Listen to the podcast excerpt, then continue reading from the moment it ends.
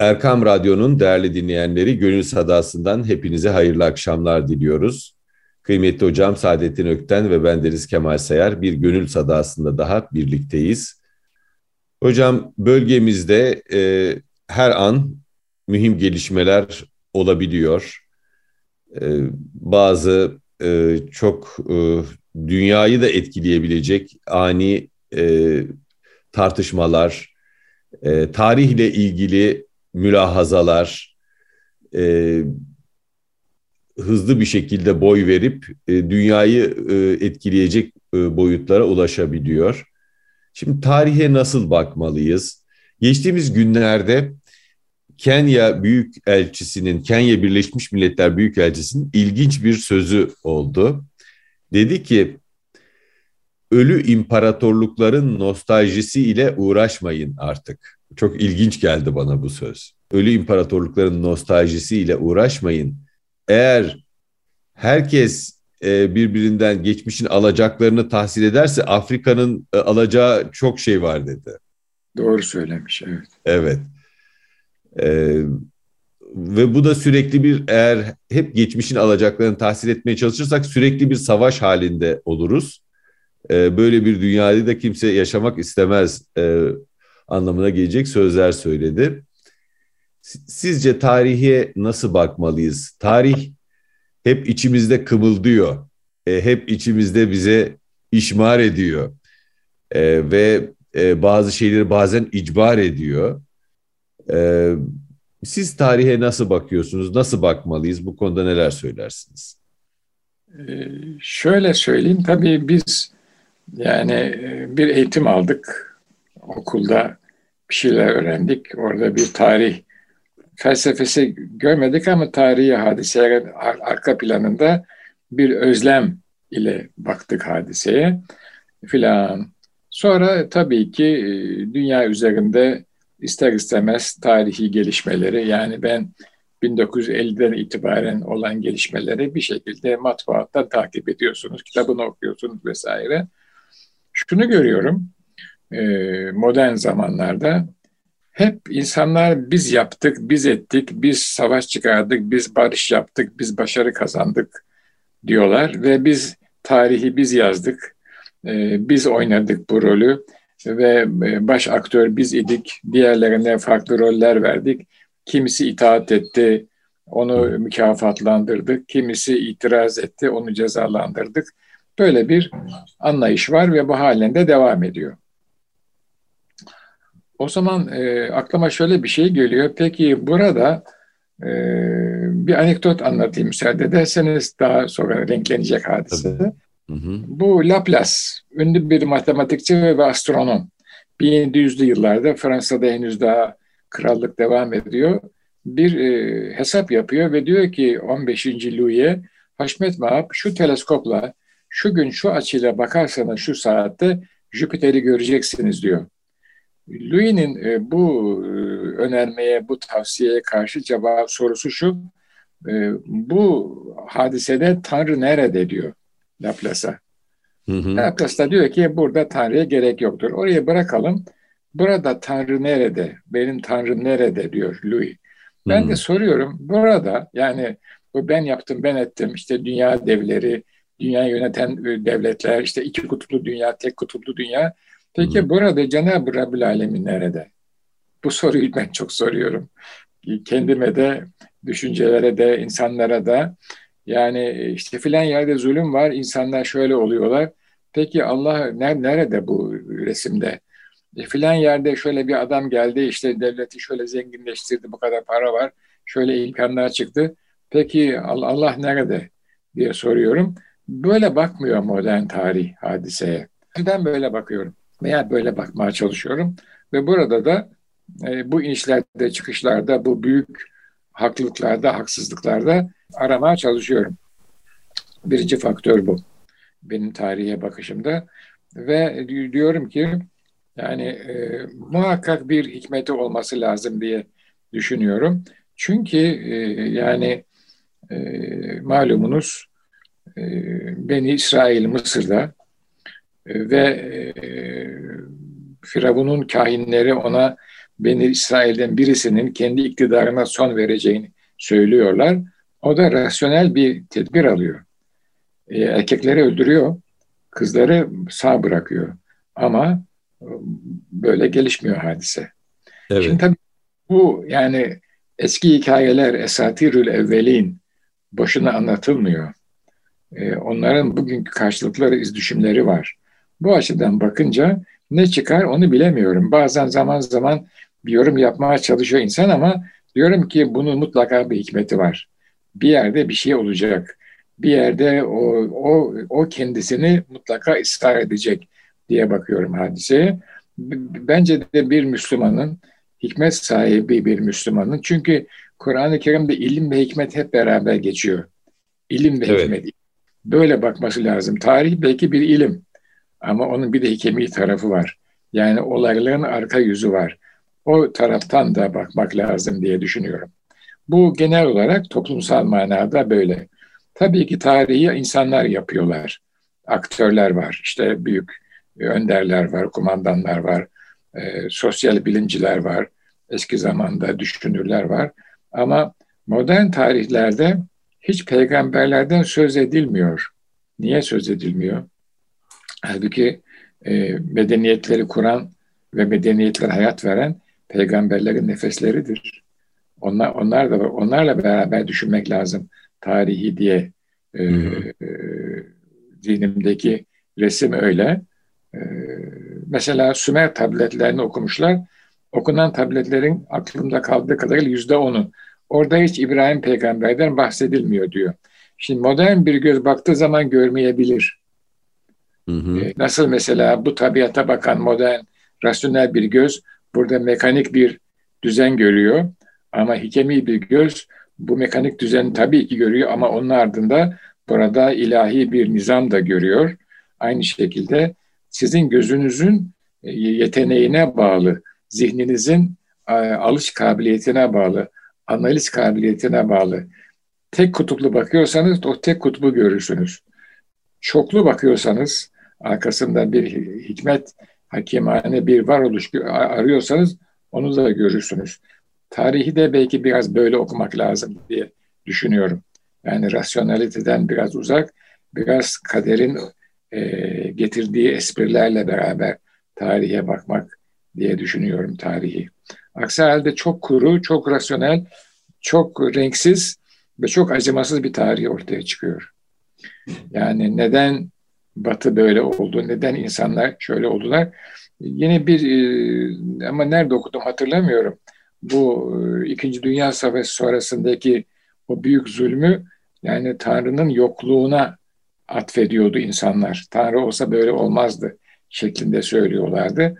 Tabii ki bu yine çok rasyonel bir bakış. Yani Tanrı'ya bir vazife, özellikle Tanrı diyorum burada. Tanrı'ya rasyonel bir vazife yüklüyorlar ve o vazifeyi yapmadı, o halde Tanrı yok diyorlar. Halbuki Tanrı'nın vazifeleri diye baş, bahs mevzu olmaz, onun tasarrufları olur, insanın vazifeleri olur. Bu da biraz hümanist bir görüştür. E, tarihi, modern tarih böyle görüyor. Benim kanaatim mutlaka olaylardan ibret almamız lazım. E, acı olaylar tabii ki var, zulüm tabii ki var ama e, hepsinin de bir hikmeti olduğunu düşünüyorum. Genel tarihe bakışım böyle.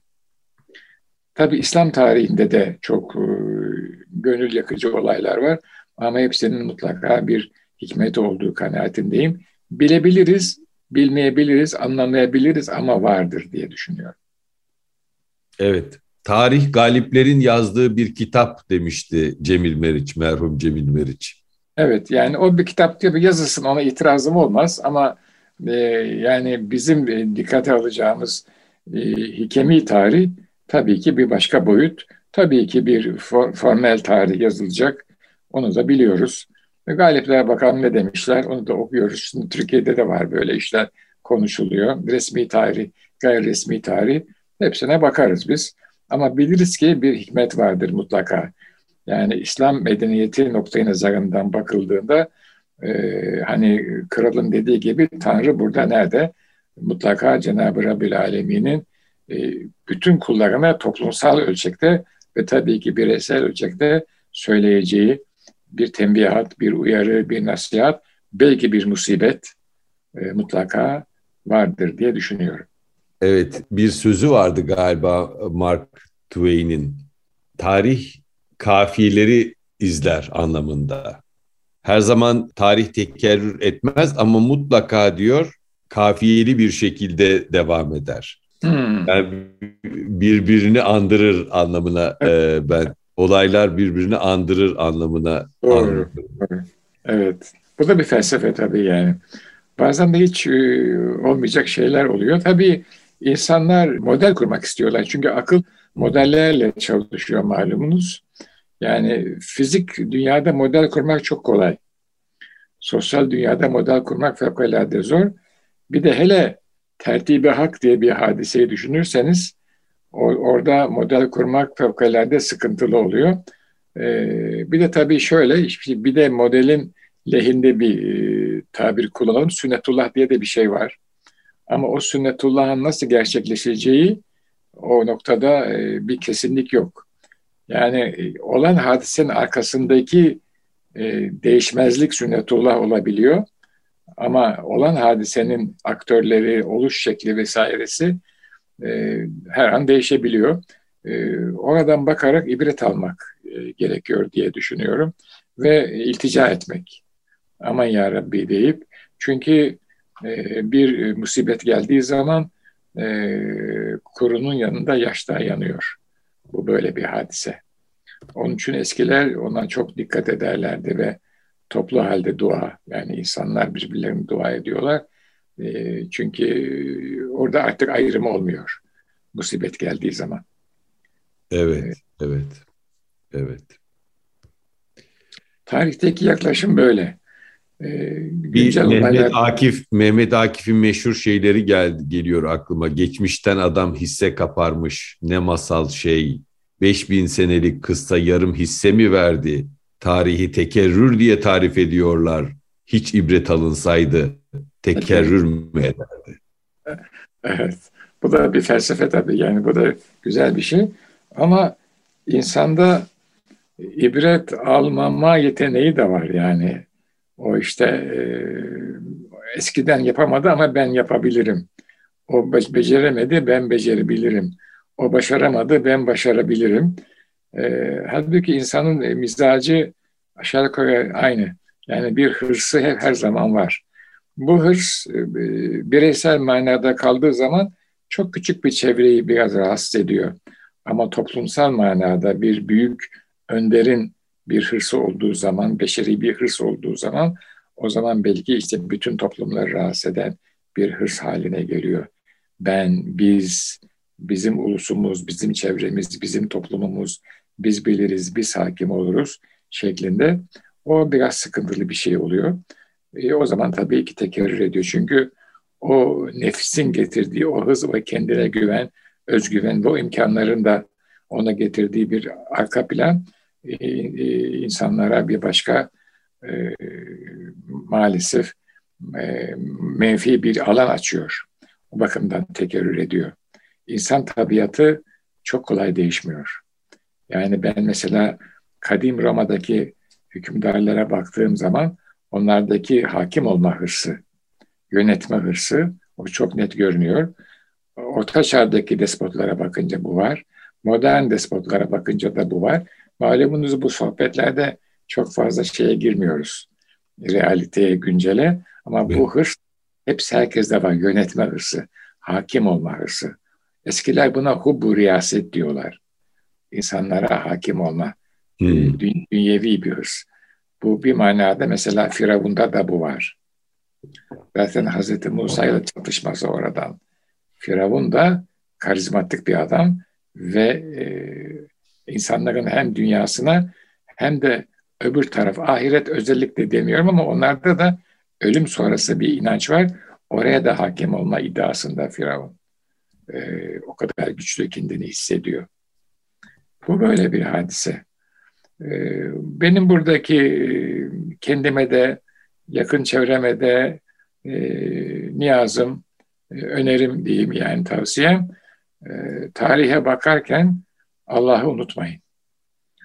onun onun e, iradesi hangi istikamete tecelli etmiş ve ne ibretleri bize insanlara toplumsal bazda hatırlatmak, uyarmak, ikaz etmek noktasında tecelli etmiş. Ona bakmamız lazım. Bu mevzuda e, benim şeyim böyle. Kıymetli hocam bir de tarih yazımında tabii metotlar var ve hatalar, zayıflıklar var. Mesela Avrupa merkezli yazıyor pek çok insan tarihi. Hı hı. Mağdunların e, bakış açısından yazmıyor. Afrikalı halkların bakış açısından yazmıyor. Kolomb'un bakış açısından yazıyor fakat onun katlettiği yerlilerin bakış açısından yazmıyor. Evet. Yeni yeni e, bunları da düzeltecek çalışmalar ortaya çıkmaya başladı. Mağdun çalışmaları, mağdun ve mağdur edilmiş halkların e, tarihinin onların zaviyesine, onların kayıtlarından yola çıkarak yazılması çok mühim diye düşünüyorum. Yani öyle tabii. Yani dünyayı batı merkezci bir bilim anlayışından kurtarmak. Bir yandan her şeyi domine ettiniz, insanları tarumar ettiniz, efendim uygarlıkları talan ettiniz. Bir yandan da onların hikayesini de siz yazıyorsunuz. Evet, evet. Burada bir adaletsizlik var. İşte bu adaletsizlik yavaş yavaş belki düzeltilecek. Evet, evet. Yani Batı merkezi tabii şöyle yani rasyonel bir e, bakış açısı. Tabii rasyonel dediğimiz anda yani kendinizin üzerinde bir başka otorite kabul etmiyorsunuz. Benim aklım her şeye yeter diyorsunuz. Bu bir kabuldür. Onun üzerine yürüdüğünüz zaman sizin varlığınız, varoluşunuz zaten hayatın ve dünyanın merkezi haline geliyor. Dolayısıyla orada artık e, egoizmden söz etmek mümkün değil. Çünkü zaten bizatihi her yer egoizm, her yer bencillik ve her yer nefse emare. Biraz daha e, anlaşılır bir tabirle söylersek bizim açımızdan ve ve kendinizi haklı gören bir e, söylem içerisinde çünkü biz medeniyiz, biz üstünüz, biz insanları medenileştirme hakkımız var, bir tarih yazıyorsunuz. Ama dünya sadece sizden ibaret değil. Evet. Farklı değerlerle hayata bakan, yani rasyonel olmakla birlikte sizin üzerinde, o insan üzerinde bir başka otoritenin, onu yaratan, onu besleyen, ona rızık veren, hayat veren, ömür veren, imkan veren, akıl veren bir otoritenin, ilahi bir otoritenin varlığını kabul ederek ve onun her an yeni bir işte olduğunu bilerek bir tarih yazımı ise bir başka bir şey. Bu henüz yok ama sorular başladı. Yani bizim mesela burada bugün yaptığımız bir sohbeti biz bundan 50 sene önce yapamazdık. Çünkü zihinler bize pranga altındaydı. Tarih ise modernlerin yazdığı tarihtir derdik. Bizim yazdığımız tarihlere ise bilimsel değildir. Çünkü böyle metinler var. E, Vakanibis e, e, tutan chronicle'lardır bunlar, kroniklerdir derdik ama şimdi artık böyle değil. E, şunu çok net ifade edeyim. Bir e, fikri çerçeve, bir değerler çerçevesinden bakarak sosyal hadiseleri e, yorumluyorsunuz, tarihi o. Bir başka değerler çerçevesinden bakarak yazıyorsunuz, sebep-sonuç ilişkileriyle yorumlarınızda o da bize ait bir tarih olacak. Ama en azından şunu biliyoruz ki biz ilahi hikmeti, ilahi ilmi, ilahi neşeyi kabul eden bir zihin yine rasyonel bir çerçevede tabii ki bilim olduğu için rasyonel olması lazım ama onun üzerinde bir başka ilim ve hikmet var. Onu bilerek yazan bir zihnin tarihi farklı olacaktır. Ve biz o tarihi e, en azından yazmasak, şu anda yazmasak bile varlığının ihtiyacından söz etmeye başladık. Bu mühim bir aşama. Nasıl bireysel manada daha evvelki sohbetlerimizde biz kendi hayatımızda ilahi hikmetin ve ilahi muradın ne olacağını hep merak edip davranışlarımızı ona göre gerçekleştirmek istek, istek e, toplumsal manada yani büyük milletler ölçeğinde, kabileler ölçeğinde, ümmetler ölçeğinde de aynı şey var. Aynı ilahi irade tecelli ediyor. Bu orada burada biz varız, orada önderler var. Ee, büyük siyasiler var, büyük düşünce adamları var. Onlar toplumu yönlendiriyorlar ama onlar da yukarıdaki o ilahi iradeye tabiler. Onun dışında herhangi bir iş yapmaları mümkün değil. Böyle baktığımız zaman e, ben tabii ki birçok hadisede çok üzülüyorum. İnsanlar azap çekiyorlar, elem çekiyorlar. Birçok insan helak oluyor. Ama diyorum ya Rabbi bunun hikmeti ne? Niye sen bunları bu şekilde cezalandırdın? Bunlar ne yaptılar da böyle bir şey oldu? Bizim bu fecaat karşısında nasıl bir maddi ve manevi pozisyon almamız lazım? Ben birey olarak kendimi düşünüyorum. Çevremi düşünüyorum. Yani ne düşünmemiz lazım? Ne yapmamız lazım? Sana nasıl iltica etmemiz lazım? Ve hangi fiiliyatta bulunmamız lazım ki bu e, bela bize de e, sirayet etmesin. Yoksa bizim dışımızda oluyor. Televizyonda seyredelim. Bir film gibi bu değil diye düşünüyorum. Tarihe o nazarla. Okuduğumuz zaman da bunu aynı şekilde görüyoruz. Yani yaşadığımız zaman değil sadece kitaplarda gördüğümüz hadiseleri de o şekilde düşünüyorum. E, bendeki tarih e, bakışı böyle. Moderniteden farklı bir tarih bakışı bu. Bir yandan da yani tarihi e, neden hep savaşlar, e, zaferler, mağlubiyetler tarihi olarak okuyoruz? Kültürel tarih diye bir şey de var. Tabii o çok hoş bir yani şey. Tabii. Bize intikal eden e, Sinan'ın ölümsüz eserleri var. Efendim bize intikal eden ilahiler var, şiirler var, klasik şiirimiz var, klasik musikimiz evet. var. Medeniyet tarihi. Evet. E, o medeniyet tarihi, kültürel tarih her birimizin öğrenmesi, e, psikolojik tabirle söylemem gerekirse içselleştirmesi, ruhumuza nüfuz etmesi gereken bir tarih. Yani okay. bize kimlik duygumuzu, nerede olduğumuzu, nereye ait olduğumuzu başka ne verebilir? Çok doğru. Bu e, çok güzel bir noktaya temas ettiniz. Şöyle söyleyeyim. Ben yıllardan beri e, çevremdeki genç dostlarıma divan şiiriyle irtibat kurun ve o şiiri sevin. İnsan zorla sevemez ama şöyle yani o şiirle irtibat kurarsanız o şiir sizin ruhunuza hitap etmeye başlar bir müddet sonra ve heyecan duyarsınız, kalbiniz titrer. Hı hı. Klasik musikiyle irtibat kurun. Bunlar en kolayı çünkü şimdi e, dinleme cihazları var, e, dinliyorsunuz. E, kitaplar var, açıp divan okuyabiliyorsunuz. Mimari bir hatla irtibat kurmak bu kadar kolay değil, gitmek yerinde görmek lazım. Neden böyle yap, yapalım diye soruyorlar. Diyorum ki insanların e, şu anda sosyal medya, görsel medya, işitsel medya o kadar çok yani üzerimize boşaltıyor ki biz adeta kendimizi kaybediyoruz ve bunun farkında değiliz.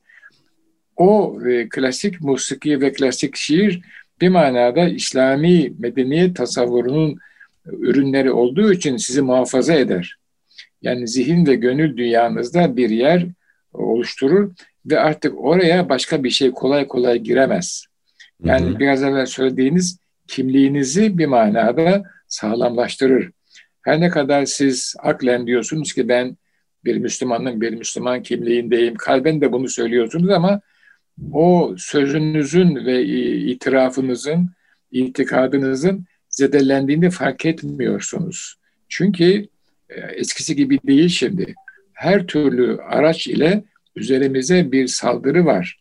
Bir e, yüzeysellik, bir madde yüzeyselliği, bir içgüdü yüzeyselliği üzerimize adeta e, küçük mikroplar halinde ama çok kesif geliyor. Küçük kırıntılar halinde sıradanlık, bayağılık ve e, içgüdüsel bir e, seviyesizlik üzerimize boca ediliyor devamlı olarak. Dolayısıyla gözün ve kulağın bundan muhafazası ki göz ve kulaktan sonra esas sıkıntı zihin daha arka planda kalp. Kirleniyor. Ve insan fark etmiyor. Evet. Eğer biraz evvel bahsettiğiniz o büyük kültürel miras ki onlar İslami temellidir. Yani İslam medeniyetinin bu topraklarda ortaya koyduğu bir yorumdur o. Klasik şiirimiz ve klasik musikimiz. Tabii ki mimarimiz, hattımız e, ama onlar biraz daha zor. E, onlarla olan irtibat ve bu bir bütündür. Yani e, mesela e, bir divan şairi, divan yazar, Sinan külliye inşa eder, bestekar bir takım yapar veya bir Mevlevi ayini besteler. Bütün bunlar bir bütün bir kompozisyondur. Bu da tabii ki medeniyet tarihi. Ve mesela oradan hukuka geçebilirsiniz. Oradan mistik düşünceye geçebilirsiniz. Ve böylece bir dünya oluşuyor iç, iç aleminizde. Bu da tabii işin şeyi. Fakat e, siyasi tarih şunun için önemli. Bu büyük yapılanmayı insanın maddi boyutu üzerinden bozmaya çalışıyorlar. Hı hı. İnsanın maddi boyutu çok önemli. Maddi boyutun belli şartlara sahip olması gerekiyor. Nefes alması lazım, karnının doyması lazım. Kışın üşüyünce bir ocak başı bulması lazım.